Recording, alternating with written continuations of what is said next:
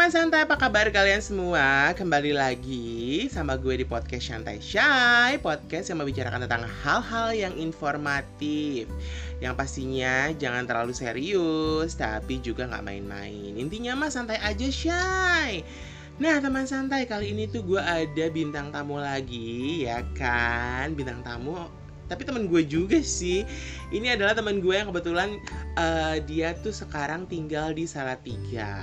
Ya awalnya kan ini dia tinggal di Jakarta kerja di Jakarta gitu kan.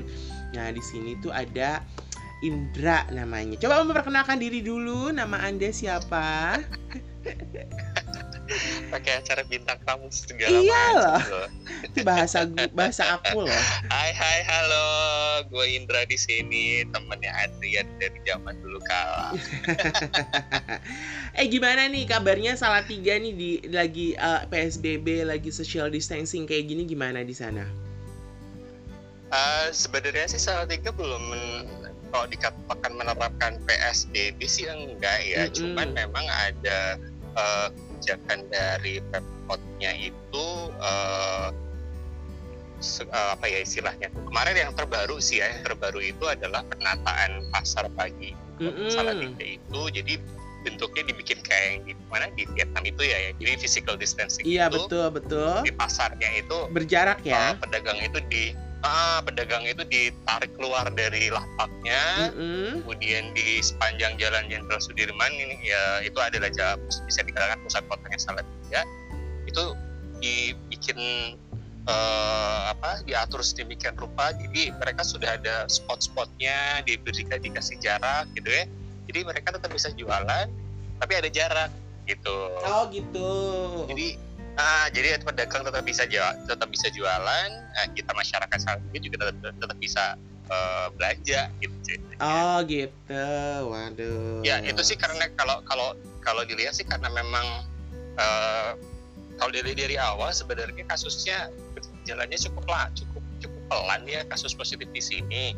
Mm-hmm. Awalnya tuh awal-awal Maret itu cuma dua, mm-hmm. cuman ya dua lah ya kalau dua positif dua terus uh, sebulan itu belum nambah lagi baru sekitar awal April kalau nggak salah awal mm -hmm. April itu naiknya sampai 8 jadi udah mulai agak khawatir kan mm -hmm. dari pemkotnya nah makanya itu langsung dibikin kebijakan seperti itu okay. karena nggak mungkin juga untuk menerapkan uh, karantina ataupun lockdown uh, atau uh, uh, apalah istilahnya karena karena juga ya bagaimanapun juga di kota kecil iya, nggak uh, ada nggak ada sumber pendapatan lain buat keluarganya selain ya itu iya, yang benar, benar. mereka tetap bisa jualan Betul.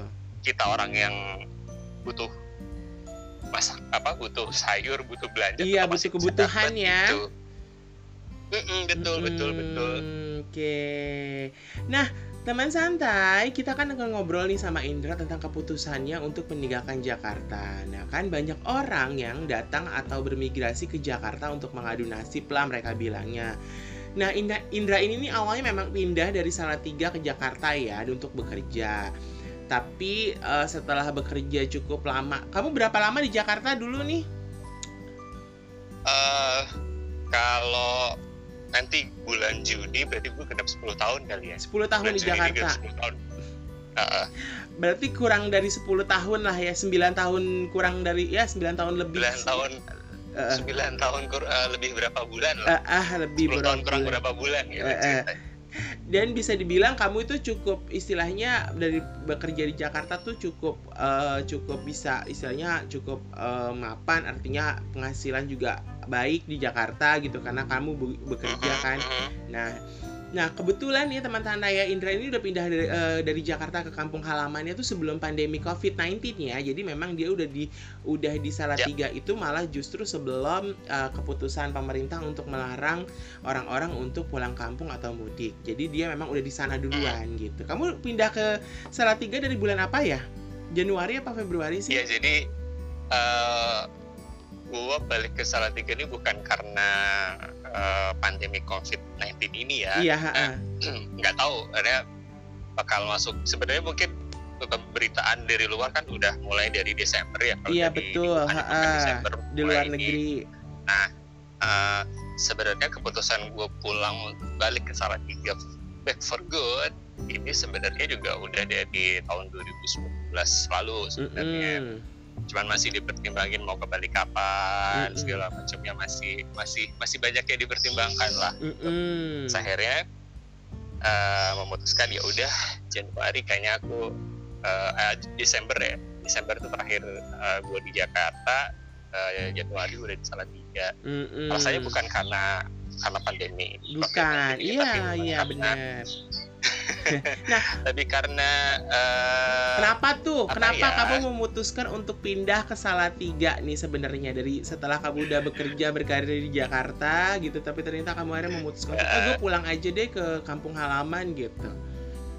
Iya, ya sebenarnya pulang itu bukan karena uh, dapat kerjaan baru di sini apa dan segala macamnya tapi lebih karena faktor keluarga di sini mm -hmm. karena memang uh, ada suatu kayak semacam kewajiban lah gue ya caya kewajiban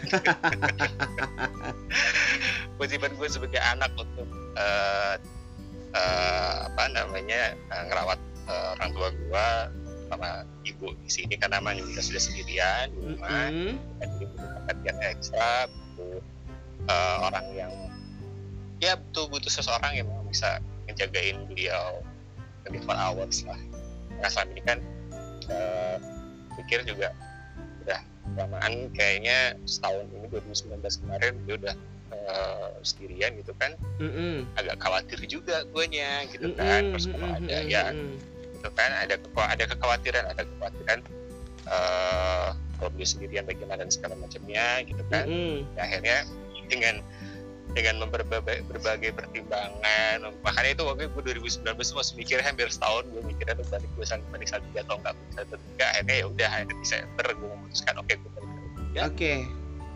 udah itu intinya itu jadi uh, lebih kepada um, itu tadi kewajiban seorang anak pada orang tuanya kali ya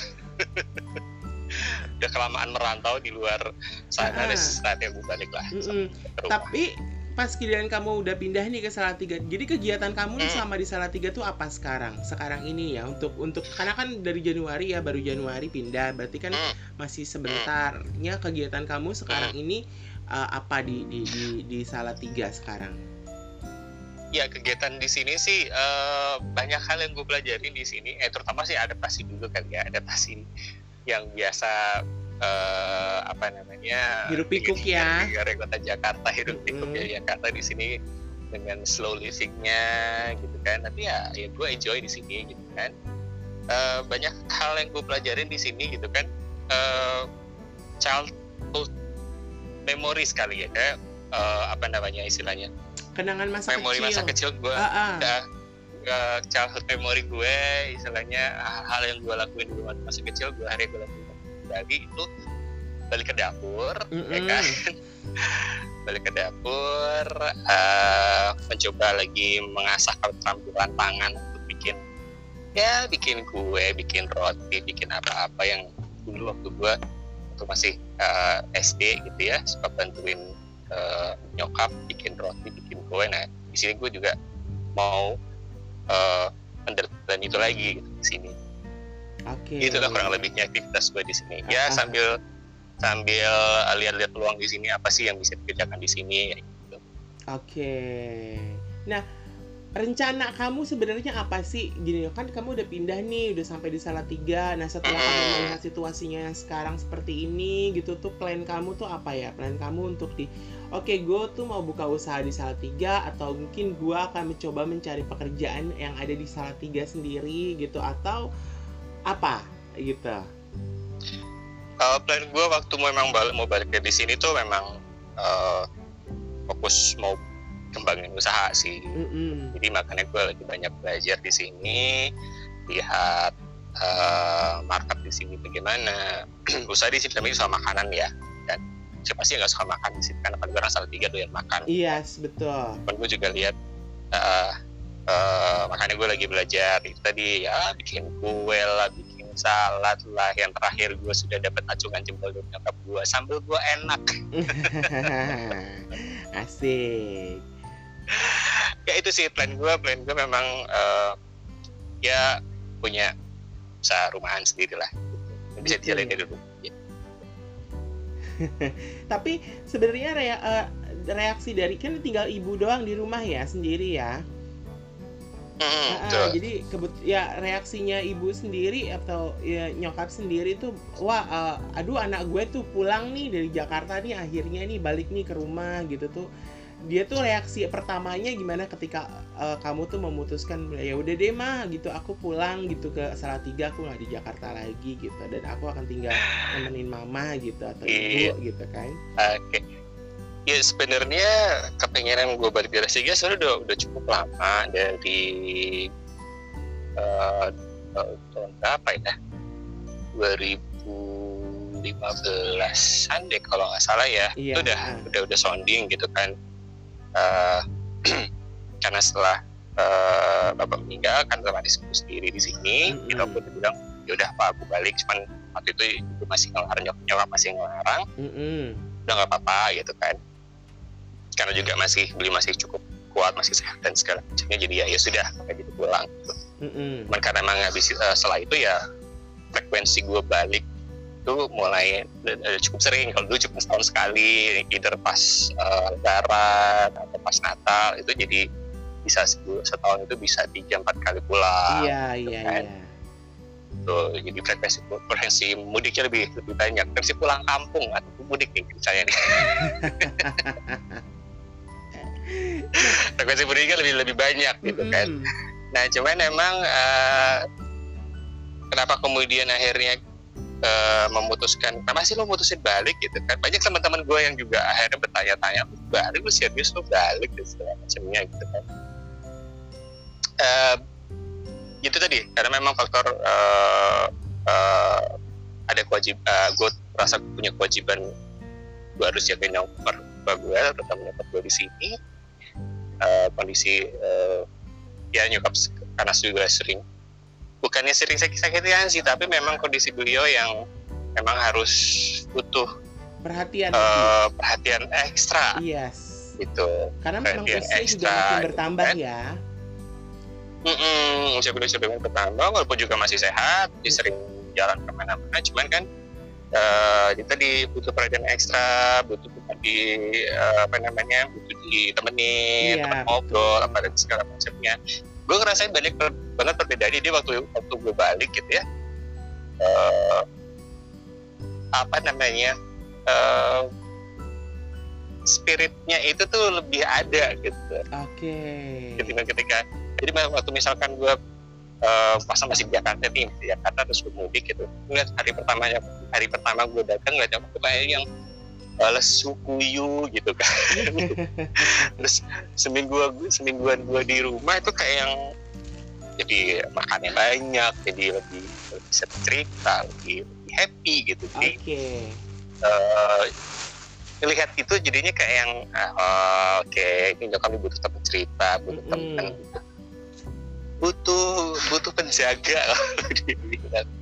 Butuh butuh bodyguard yang buat ngejagain beliau di sini jadi Iya. sebenarnya memang alasannya adalah karena eh, satu adalah faktor karena memang sebenarnya eh, faktor sebenarnya dibilang faktor orang tua juga sebenarnya iya tapi dibilang enggak juga enggak. Memang juga karena ada perasa bahwa sebagai anak nih orang tua nih sendirian nih di rumah jadi memang gua tuh kayaknya perlu untuk gua balik deh ke eh, ke kamp eh, ke ke Salatiga ke kampung lah untuk nemenin ibu gue Iya. gitu kan yes Nah, betul kan sebenarnya sih, kan jadi. memang banyak orang Hmm. tuh untuk memutuskan ngadu nasib ya ke Jakarta ya sementara kan kamu tiba-tiba istilahnya udah sempat megang gitu Jakarta terus kamu harus hengkang dari Jakarta, Jakarta. gitu nah sebenarnya kan kan udah melalui dengan pemikiran yang cukup panjang berarti tapi perasaan kamu tuh gimana sih ketika untuk pas ketika eh, kamu ninggalin Jakarta di hari terakhir di Jakarta terus yang kamu tuh pulang naik apa sih naik kereta ya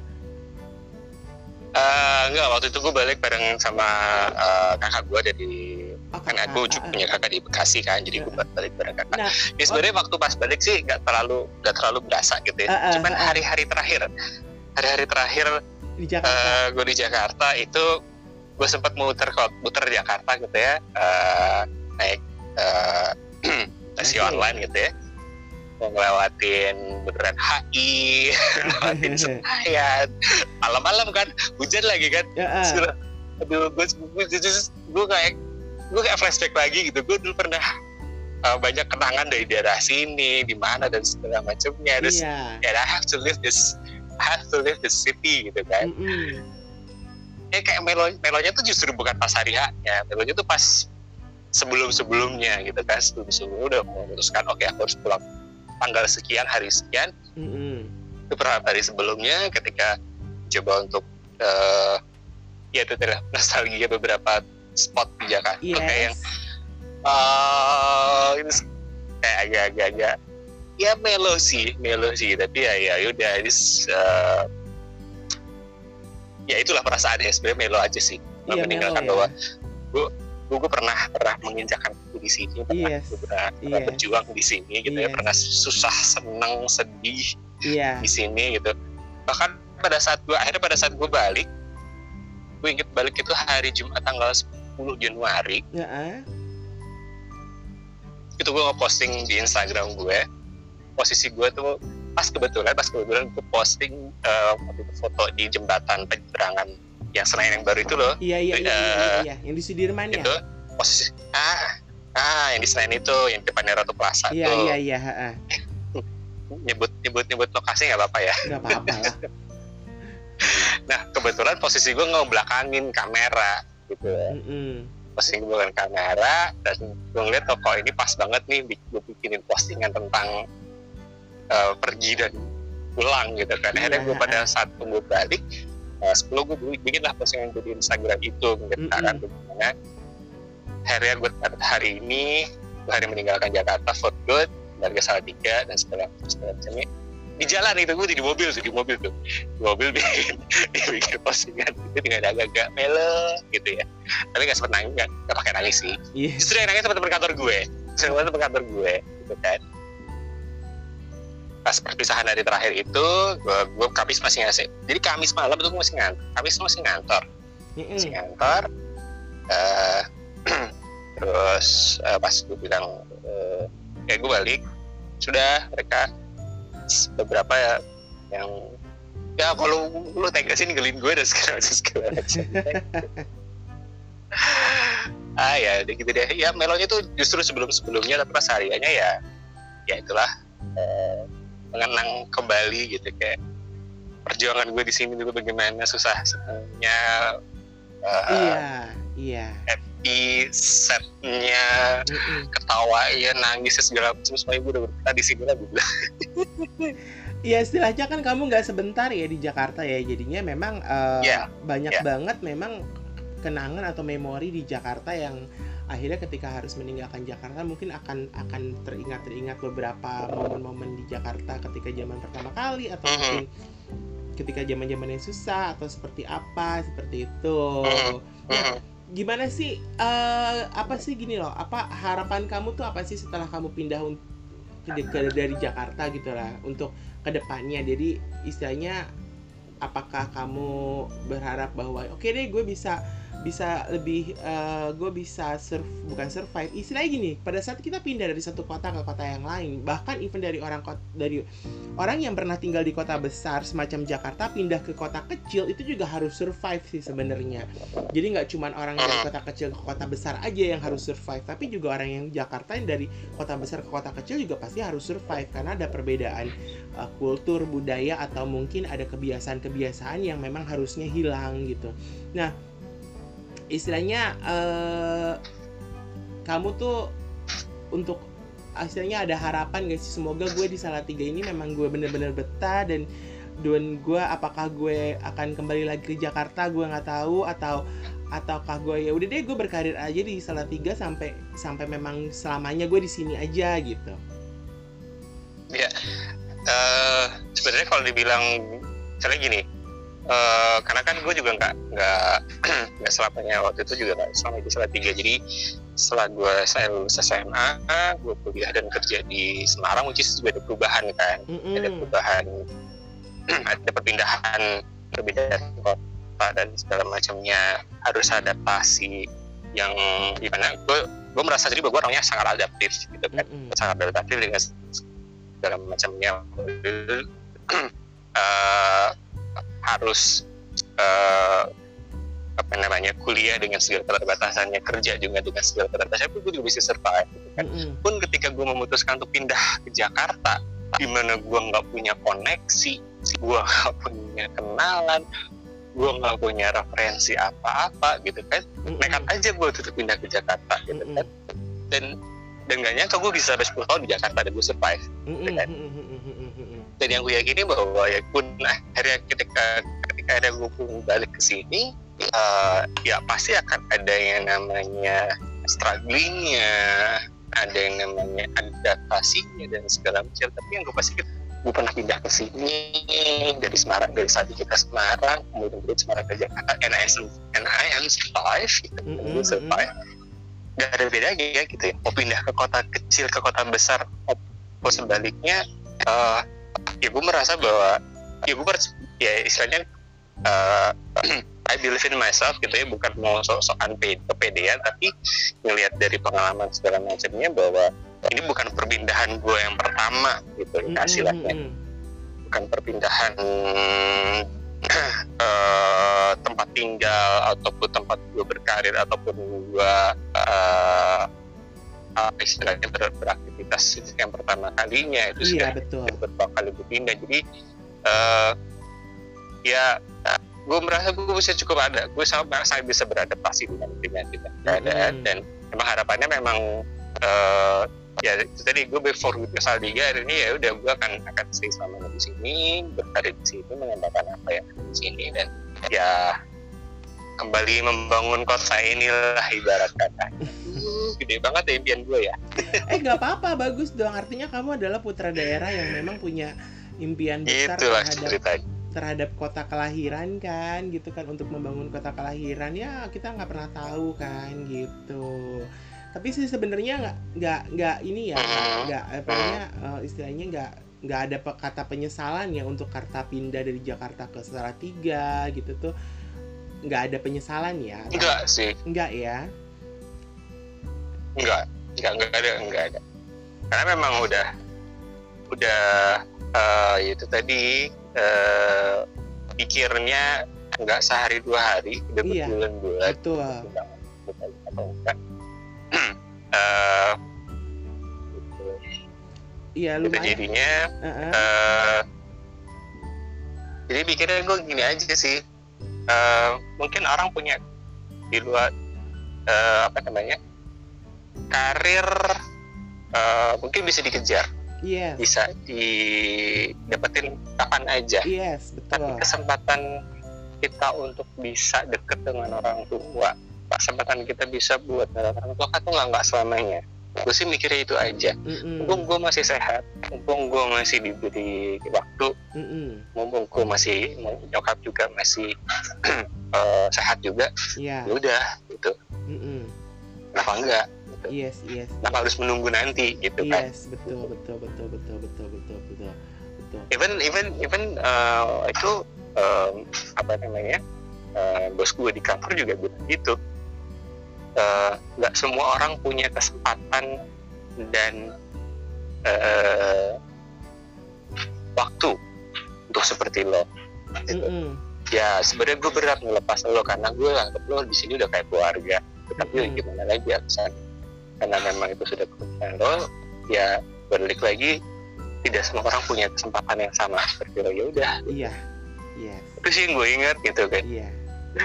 gue inget banget sih waktu itu ya dia bilang "Eh, ya berat sih ngelepas lo tapi ya ya selama lo masih punya anggap ya, ya lo masih bersyukur lo masih punya kesempatan itu aja sih gitu Iya iya iya.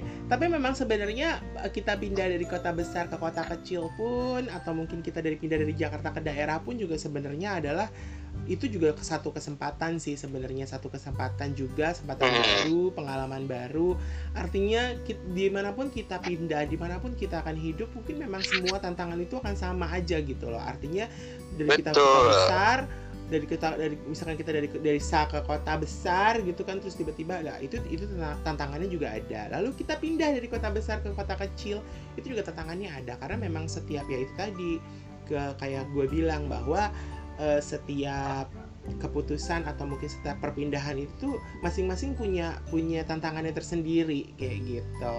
Nah perubahan paling signifikan apa sih yang kamu rasain setelah pindah nih sekarang dalam beberapa dari istilahnya kata udah tiga bulan ya tiga hampir tiga bulan ya tiga empat bulan dah tiga atau empat bulan ya perubahannya Ya. apa ya perubahan secara dari pola hidup atau mungkin perubahan dari secara diri kamu sendiri gitu atau ada nggak perubahan-perubahan Oke. itu yang terjadi? Kau- perubahan itu pasti ada gitu ya Mm-mm. Eh, yang pasti yang gue rasa adalah kalau dulu waktu gue di Jakarta itu gue baru eh, istirahat. Itu jam ya jam 10 gitu ya udah udah balik gitu ya. Sekarang gue udah jam 9 udah masuk ke udah di kamar. Eh, udah udah tutup garasi dan segala macamnya gitu kan. Lebih teratur sih lebih lebih memang lebih teratur eh, dalam artian em, kalau bisa terus- terus pada nanya kamu berat lo naik nggak enggak justru turun gitu loh kok bisa turun mungkin karena di sini makan teratur jadi makan makan makan rumah kan gitu ya. Mm-mm, betul. makan makan rumah lebih sehat jadinya kan Iya, lebih teratur Lebih sehat. juga memang benar. lebih teratur lebih sehat dan jarang jajan juga baiknya kalau di Jakarta itu udah kalau weekend udah kayak kalap kan bukan Makan apa aja. siang makan makan apa siang makan di mana? Malam di mana? Makan di mana? Udah lah udah kalap Tapi di sini tuh kayak yang karena semua sudah disediain di rumah. Ada masak sendiri bikin sendiri makanya jadi lebih sehat gitu kan. Lebih Iya. sehat lebih lebih higienis lebih bersih. Jadi ya kalau buat gue ya itu perubahan signifikan yang gue alami gitu. Dan memang eh, jadi ini yang paling berasa itu adalah eh, ketika di Jakarta gue nggak bisa apa jarang banget yang namanya gue menikmati matahari pagi Yes. Bener. ya kan Tertutup sama polusi. Pagi-pagi sih. Iya, tuh. Ini gue bangun tidur, gue keluar rumah ke teras udah ngeliatnya. Ya udah, lihatnya mata, lihat-lihat langit yang Biru, bersih gitu, bersih. air masih bersih. Jadi itu yang itu yang sangat signifikan banget nih. Rasain kalau di Jakarta kan tuh bangun tidur, siap-siap berangkat ke kantor, Mm-mm. udah sampai kantor udah nggak sempet ngapa-ngapain lagi gitu kan. Iya. Udah gitu Pas salah kemudian kalau pas lagi bangun, adem ya. Hmm? Salah tiga termasuk adem ya. Iya masuk ada. Jadi ya udah eh apa namanya perubahannya itu tadi. Jadi ber, ber- ke, ke- ke pola hidup, pola hidup juga. Eh gue yang dulu yang nggak jarang-jarang jarang-jarang olahraga di Jakarta dulu, walaupun ya walaupun daftar di salah satu tempat kebugaran di Jakarta, cuma gue juga natur aja di sana kan. Iya. Tapi Yulia tuh setelah Tapi pulang jadi lebih- lebih teratur ya. jadi lebih teratur paling enggak ya 30 menit saat 30 menit berapa menit sekali apa eh, apa itu cuma dibuat jalan kaki jogging lari atau apa Iya benar benar benar. lebih lebih lebih lebih lebih teratur gitu. jadi karena memang balik lagi kan di di sini kan slow bisa dikatakan slow living gitu ya. Jadi nggak ada yang nggak ada mau, mau keluar jam 7 itu juga masih masih ya walaupun sudah cukup ramai tapi masih cukup nyaman buat kita jalan kita lari masih enak gitu kan. Pun juga mau kalau mau mau olahraga di rumah juga halaman cukup luas gitu kan. Jadi ya itu sih yang gue rasain perubahannya iya, iya, eh, gitu. Ke pola hidup sih. Iya emang. Tapi emang bicara sama bi- abis sama apa sama apa? sama less stress kali ya kalau di Jakarta kan udah wah, Yes benar keluar keluar rumah aja kayak udah stres duluan ya. udah stres duluan di sini tuh kalau mau pergi ke gue sampai bingung loh gue udah ke sini ke sini ke sini kok masih jam segini aja ya Kalau di Jakarta gitu ya. Iya. Kalau di Jakarta tuh kalau nggak di plan bener mau ke mana ke mana ke mana kan nggak bisa kan. Paling Yes. nggak maksimal dua tempat gitu kan. Mm-mm. kalau di sini gue udah tadi gue udah ke sini udah belanja ini udah beli AC ini ke sana udah ke tempat ini udah ketemu itu ke sana. Ah jam segini? Itu awal-awal itu awal-awal awal-awal sebulan sebulanan awal gue di Salatiga. Mm-mm. aktivitas di sini gue ngerasa ah kok masih jam segini sih? Gue biasanya aja kayak kayak udah kayak kayak, kayak kalau di Jakarta udah kayak kehabisan waktu gitu kan. Iya. Tahu-tahu udah sore aja, tahu-tahu udah malam aja. Lalu udah sore tuh udah malam, nah di sini kan kok masih siang? udah ngapa-ngapain gitu kan? Udah ini itu apa segala macam gitu. Dan bangun juga jadi lebih pagi ya? Uh, tergantung juga sih sebenarnya tapi lebih santai sih sebenarnya karena mungkin kamu belum ada aktivitas yang terlalu signifikan ya. Artinya uh, kamu masih yeah. masih masih di rumah aja. Artinya masih mm. uh, belum belum ada kegiatan yang memang ya karena satu juga satu dan lain hal adalah karena ada ada uh, pandemi ini juga kamu untuk oke okay, gue agak membatasi dulu nih. Karena sambil ngatur-ngatur plan ambil ngatur-ngatur plan juga nggak sih? Artinya oke okay, gue dikasih waktu di rumah dengan ibu dengan mama gitu kan gue uh, bikin hmm? ini nggak sih? Uh, kamu bikin ini nggak? Plan oke okay, nanti setelah ini berakhir gue mau ngapain mau ngapain mau ngapain gitu kamu bikin juga plan seperti itu. Oh iya itu jelas pasti. Makanya kan selama uh, selama masa pandemi ini juga uh, makanya gue setiap uh, ya seminggu sekali seminggu dua kali gitu tadi gue bikin bikin something gitu lah buat trial trial bikin ini bikin itu dan segala macamnya gitu kan sambil juga lihat-lihat demand di sini bagaimana. Apa namanya terutama untuk uh, kuliner di sini ya, seperti apa sih yang dimagi iya, di iya, orang iya, gitu seperti apa gitu kan? sambil sambil lihat-lihat juga trennya bagaimana. Uh, orang Saudi itu sukanya makannya uh, makannya apa terus range harganya bagaimana. Dia ya sempat juga ngobrol sama beberapa istilah gini jadi uh, ya thanks to social media gitu ya akhirnya terhubung dengan orang-orang uh, tiga juga akhirnya gitu ya.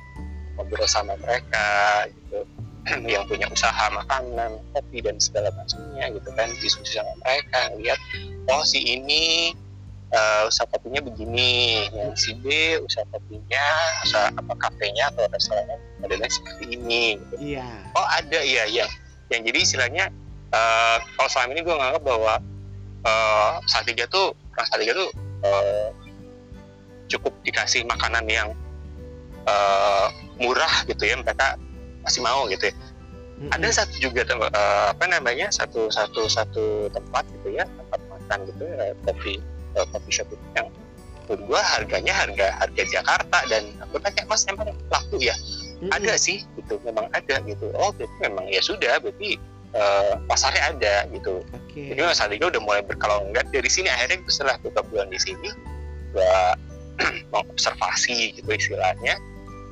uh, Saldi udah mulai udah udah udah cukup berkembang gitu okay. jadi uh, nggak kayak gue dulu zaman SMA ya zaman kuliah gitu ya mm-hmm. di sini udah sangat-sangat berkembang sekali jadi ya gimana ya ada jadi tinggal kita bagaimana uh, create something that everlasting yang yang istilahnya gini uh, buat sesuatu something different yang akhirnya mereka bisa cari yang akan dicari terus gitu. Oke. Okay, iya, itu juga salah satu salah satu salah satu salah satu uh, uh, apa namanya saran dari kita dua juga kalau lo mau bikin sesuatu bikin sesuatu di sini oke okay, mau bikin apa let's bikin bakery bikin roti apa segala macam nggak masalah tapi bikin something yang memang itu uh, orang bakal ingat kalau lu uh, pengen ini artinya ke lo gitu oke okay. oh iya ya gitu akhirnya gue akhirnya tadi gue tadi melihat apa sih yang lagi indie tiga apa sih yang belum ada dan segala macamnya mm -hmm. gitu. Nah itu sih dia gue sambil uh, belajar lihat pasar sambil gue juga ngerti skill gue juga sambil ya expanding networking gue juga di sini. Mm -hmm. Karena kan bisa dikatakan gue kan teman-teman gue berkata networking gue banyak kan di Jakarta. Mm -hmm. gitu. Ya, hampir ya teman-teman di sini paling ya satu dua gitu kan. Jadi um, gue masih harus banyak-banyak berkenalan atau dapetin networking baru di sini juga gitu istilahnya. Yes, itulah. yes. Benar benar. Ya istilahnya kayak membangun lagi relasi. Tapi kalau aku sih berpikir memang memang kalau aku sendiri pribadi ya uh, bahwa memang aku tuh memang pengen sih artinya tidak tidak lagi di Jakarta nih someday gitu. Artinya aku juga pengen banget ke keluar dari Jakarta gitu ar. Nggak nggak mau. Ya istilahnya gini aku aku besar di Bekasi kota kota pinggiran Jakarta. Kalaupun aku hanya berkutat di Bekasi aja pun buat aku tuh juga satu satu apa ya satu kesempatan yang di mana aku juga bisa cari prospek yang baik juga di tempat aku gitu seperti itu gitu. Jadi memang uh, apa nyari-nyari peluangnya Hmm. lumayan sih kalau ke kota kecil ya artinya lumayan banyak yang kita bisa eksplor sih gitu ya kurang lebih sih seperti itu ya Iya. Ya makanya sekarang kalau bisa dikatakan eh, banyak waktu itu juga sempat eh, teman satu kota gue juga Mm-mm. bilang, aduh gue lo salut sama gue, lo akhirnya berani memutuskan untuk pulang ke Salatiga. Gue belum kebayang gitu. gue belum kebayang kalau gue balik ke Salatiga karena dia terbiasa dengan itu Iya. eh, hektiknya di Salatiga di, di Jakarta dengan kesibukannya dan segala macamnya. Membayangkan kalau dia harus balik ke Salatiga dengan eh, slow livingnya dengan eh, apa namanya dia belum bisa gitu. Iya iya. Ya ya istilahnya memang masing-masing kan punya punya preferensinya sendiri-sendiri Iya, gitu ya. betul. Tapi memang bagaimana iya iya gimana? Hmm, ya bagaimana kemudian kita bisa ya istilahnya sebenarnya gini kalau boleh dibilang di sini slow living nggak juga gitu. Kalau kalau ngeliat gue juga ngeliat kakak ipar eh, kakak ipar gue yang usaha di sini juga dia sibuk banget gitu bikin usaha apa bikin bikin ini itu dan segala macamnya. Bahkan sampai weekend pun hampir hampir nggak ada liburnya gitu. Mm-mm. sebenarnya sama aja sih gitu. Dalam bagaimana eh, tadi di sini oh ya lagi satu lagi yang memang eh, gue belajar di sini adalah bagaimana gue mengatur waktu. Kalau di sana kan udah jelas-jelas waktu gue dari jam sekian jam sekian ke kantor udah beres gitu, Iya. udah kelihatan udah ketahuan. Mm-mm. Nah kalau di sini kan gue sangat sangat sangat bebas gitu. Iya. Jangan sampai gue kemudian akhirnya eh, apa namanya kayak kelepasan kayak kayak enakan aduh udah deh santai gue keenakan ya jangan eh, sampai gua- keenakan ya. enakan gitu akhirnya akhirnya gue mesti ha, punya punya punya punya timetable, punya timeline. Bagaimana gue tiap hari juga bisa terproduktif. Produktif, produktif tidak harus menghasil, tidak harus yang menghasilkan Mm-mm. uh, duit ya, tapi apa yang bisa gue pelajarin, gue bisa bikin apa, gue bisa uh, pelajarin apa, gue bisa jual apa dan segala macamnya dari dari seperti yang ada. Akhirnya ya di situ gitu. Itu yang gue belajar juga dari sini. iya sih Kalau dulu kan udah dari jam sekian sampai jam sekian udah di kantor, Mm-mm. kan udah terplan. iya setiap harinya tuh Gitu. rutinitas ya Iya, Heeh, nah gitu. Di, di sini pun udah nggak. Di sini gue ngerasa nggak ada bedanya antara weekend sama weekdays. Sama Iya aja buat gue. weekend is every day. Weekend is every day. Is weekend di sana. Tapi memang emang memang memang memang enak sih. Artinya uh, butuh butuh satu keberanian memang betul gitu. Tapi aku juga sih secara pribadi memang berencana memang tidak tidak akan istilahnya di Jakarta terus gitu kan. Memang punya plan untuk tidak uh, stay di sini atau mungkin bukan stay ya. Artinya tidak uh, beraktivitas terus di Jakarta gitu. Memang butuh plan seperti itu juga gitu. Memang butuh keberanian. Karena kalau buat aku sih memang kalau kita pindah dari Jakarta ke kota yang lain memang sebenarnya banyak peluang banyak potensi yang bisa kita bangun sih yang bisa kita cari yang bisa kita gali. Yang bisa justru malah kita lebih berkembang di kota kecil tersebut ketimbang di Jakarta. Karena Jakarta tuh karenanya seperti istilahnya lahan tuh kayaknya bukan segala, segala lahan usaha, segala pekerjaan dan segala macam memang sangat banyak. Tapi memang saking banyaknya persaingannya juga sangat-sangat luas, eh, sangat-sangat besar. Sangat sangat besar. Gitu. Iya, Jadi betul. pada saat kita kembali ke kota kecil, Iya. mungkin persaingannya juga besar, tapi meng- tapi eh, lahan-lahannya itu masih banyak gitu. Istilahnya lahan tuh bukan ya bukan tanah ya, artinya lahan-lahan yang potensi-potensi yang bisa kita kembangkan tuh masih akan banyak. Gitu. Betul ya sebenarnya gini. eh, Dengan adanya digital juga sekarang seperti ini yang Hmm. e-commerce yang berkembang, platform sosial media yang makin makin makin apa, makin beragam, pengguna juga makin gede. Gua rasa dia eh, itu kan sudah melewati batas teritori gitu ya Iya. sifatnya. Sudah sudah benar-benar nggak ada nggak ada nggak ada nggak ada lagi. Aduh kalau gue di kampung gue nggak bisa ngapa-ngapain. Enggak juga gitu kan. Mm-mm, If justru- kita kalau emang kita punya bisa create something Mm-mm. gitu ya. Pasar terbuka luas kok. iya pasar memang, terbuka, memang. Malah justru terbuka luas, kreativit- platform banyak Iya, gitu kan. Gitu. justru malah kreativitas kita dulu masa malah malah makin tertantang gitu untuk bahwa oke kita di, di di di kota kecil tuh kita mesti ngapain gitu itu tuh makin tertantang karena kalau di Jakarta juga memang tantangannya juga berat tapi sebenarnya di kota kecil juga lebih berat karena kan kita benar-benar harus benar-benar mempelajari apa yang ada di kota itu dan bagaimana supaya apa yang kita bangun atau yang kita rencanakan di kota kecil ini nih juga bisa sukses seperti yang orang bangun di Jakarta atau di kota besar seperti itu sih.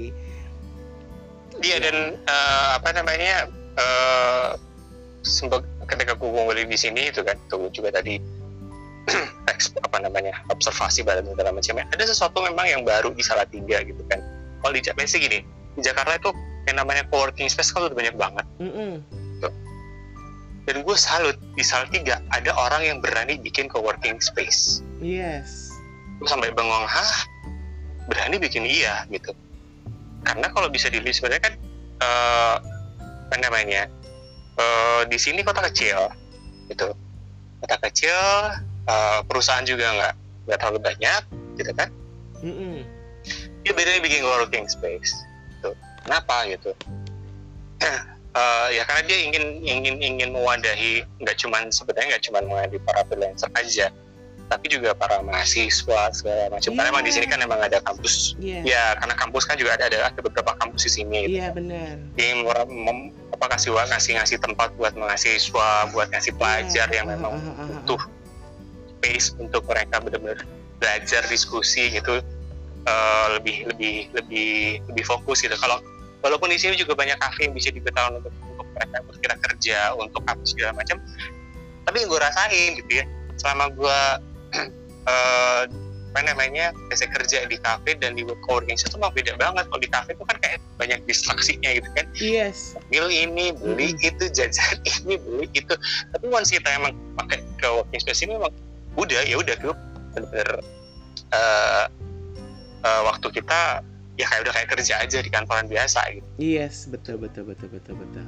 betul. Ya makanya ketika saya lihat gue di sini beberapa bulan di sini itu gue observasi oh ada yang berani bikin co-working space, yeah. ada yang berada, ada yang punya usaha kafe harga Jakarta segala macam. Mm -hmm. emang ada gitu. Jadi yeah. yuk sama aja gitu kan. Karena sama buat apalagi sama saat Salatiga juga bukan bukan bukan desa ya, bukan kampung, ini kota tapi kota, kota kecil. Iya jadi, benar kota. Gitu. Ya, jadi bukan istilahnya gue bukan kembali ke desa yang bukan bukan bukan nanti gue mengunderestimate uh, desa ya, tapi mm -hmm. ke apa namanya dari dari dari dari dari aktivitas segala macam ya kurang lebih juga sama, hanya mm -hmm. perbedaannya adalah tingkat tingkat uh, stresnya agak sedikit berbeda tingkat kepadatan yes. aktivitas yang pun juga sedikit yeah, berbeda betul, tapi dari sisi demand apa dan segala macamnya mm -hmm. pikir sama. Gitu. Gitu. Ya terima kasih loh Indra udah di mau diganggu waktunya. Pagi hari. thank you loh. Ini uh, apa namanya jadi bintang tamunya di uh, ngobrol santai shy ini gue sambil duduk-duduk loh ini di, di, di taman jangan jangan salah. Ya, iya. Makanya aku tuh sebenarnya agak jealous ya sama kamu. Bilang aduh gila Indra nih. Enak banget dia kembali ke Salatiga. Dia bisa masih menikmati uh, tumbuhan matahari yang baik gitu kan. Suasana kota yang sangat sangat. Itu yang... itu itu adalah satu hal yang satu hal yang tidak bisa uh, gue dapat di Jakarta yeah, adalah yeah, satu hal yang mahal, mm-mm. satu hal yang kemewahan yang gue nggak dapat di Jakarta adalah yeah, satu, yeah. gue bisa mendapat gue gue tiap hari bisa mandi matahari, yeah, sehat. Itu dia. Yang pertama, yang kedua uh, udara juga masih seger. Mm-mm. yang kedua, yang ketiga, gue mau denger lo mau denger binatang macam apa dia ada Iya. Kodok gue bisa denger tiap malam. iya itu itu satu istilahnya gini. Uh, jadi memang sebenarnya teman santai ya. Uh, apa pun keputusan kita ya dalam hidup tentang di mana dan bagaimana kita merancang kehidupan kita itu ya teman santai semua kembali kepada diri kita sendiri bisa nggak kita hmm, menikmati uh, benar kita bisa nggak kita menikmati sesuatu yang memang apa adanya ketika kita banyak mendapatkan ses, uh, istilahnya bukan kemewahan artinya mendapatkan banyak fasilitas yang dimemudahkan kita di kota besar tiba-tiba kita harus ke satu kota kecil di mana sesuatunya tidak sama seperti di kota besar tapi kita benar-benar bisa menikmatinya dan kita ya itu perspektifnya kita aja gitu bahwa uh, menikmati uh, rumah. Istilahnya kita balik ke rumah ya kita kita pulang gitu. Ke mana di mana kita menemukan diri kita kita menemukan apa yang memang sebenarnya oh ini yang kita butuhkan sih sebenarnya. Jadi kita jangan ya teman santai juga boleh sih. Istilah gini ketika kita berdoa kita juga jangan uh, berpikir bahwa jangan kita banyak meminta tapi mungkin berdoa kepada Tuhan adalah apa sih yang saya butuhkan Tuhan gitu. Berikan apa yang saya butuhkan. Nah mungkin Indra juga istilahnya yes. ini yang Indra butuhkan untuk uh, dalam kehidupannya Indra gitu kan bahwa uh, kembali ke salah tiga adalah satu keputusan yang uh, baik gitu. Kalau kita bisa bilang keputusan tepat atau tidak tepat itu juga balik lagi adalah perspektif kita masing-masing. Jadi tidak ada semua sesuatu yang salah tapi adalah ketika kita memutuskan sesuatu adalah hal-hal yang baik gitu. Jadi jadi kalau kita berpikirnya bahwa itu keputusan yang baik toh feedbacknya juga akan menjadi lebih baik juga gitu. Iya. Dan uh, sebenarnya gini uh, tambahan dikit ya uh, Adrian. Kan kita nggak tahu ya semua nggak tahu bakal ada kondisi seperti ini iya gitu ya. betul. Ada pandemi seperti ini. Satu hal yang uh, beberapa hari lalu uh, ngobrol sama uh, ibu di rumah atau habis makan gitu.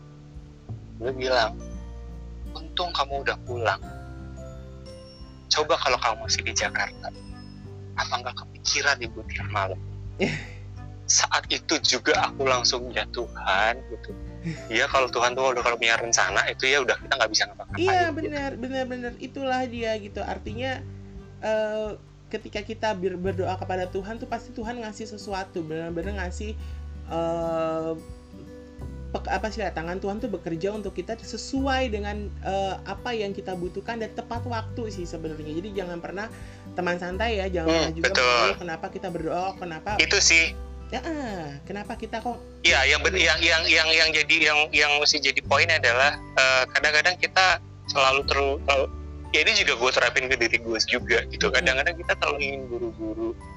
Aduh, pengen ini cepat, pengen itu Iya, cepat, pengen iya, dapat iya, ini iya, cepat, pengen iya, dapat ini iya. cepat. Tapi kalau emang itu belum waktunya, ya belum. belum iya Itu aja sih. Ha, gitu. gitu jadi iya iya Kayak gue bilang tadi bahwa keinginan gue untuk pulang ke dari pulang ke Salatiga itu sebenarnya sudah cukup lama dari 2017 Mm-mm, mm-mm, tapi belum dikasih mm-mm.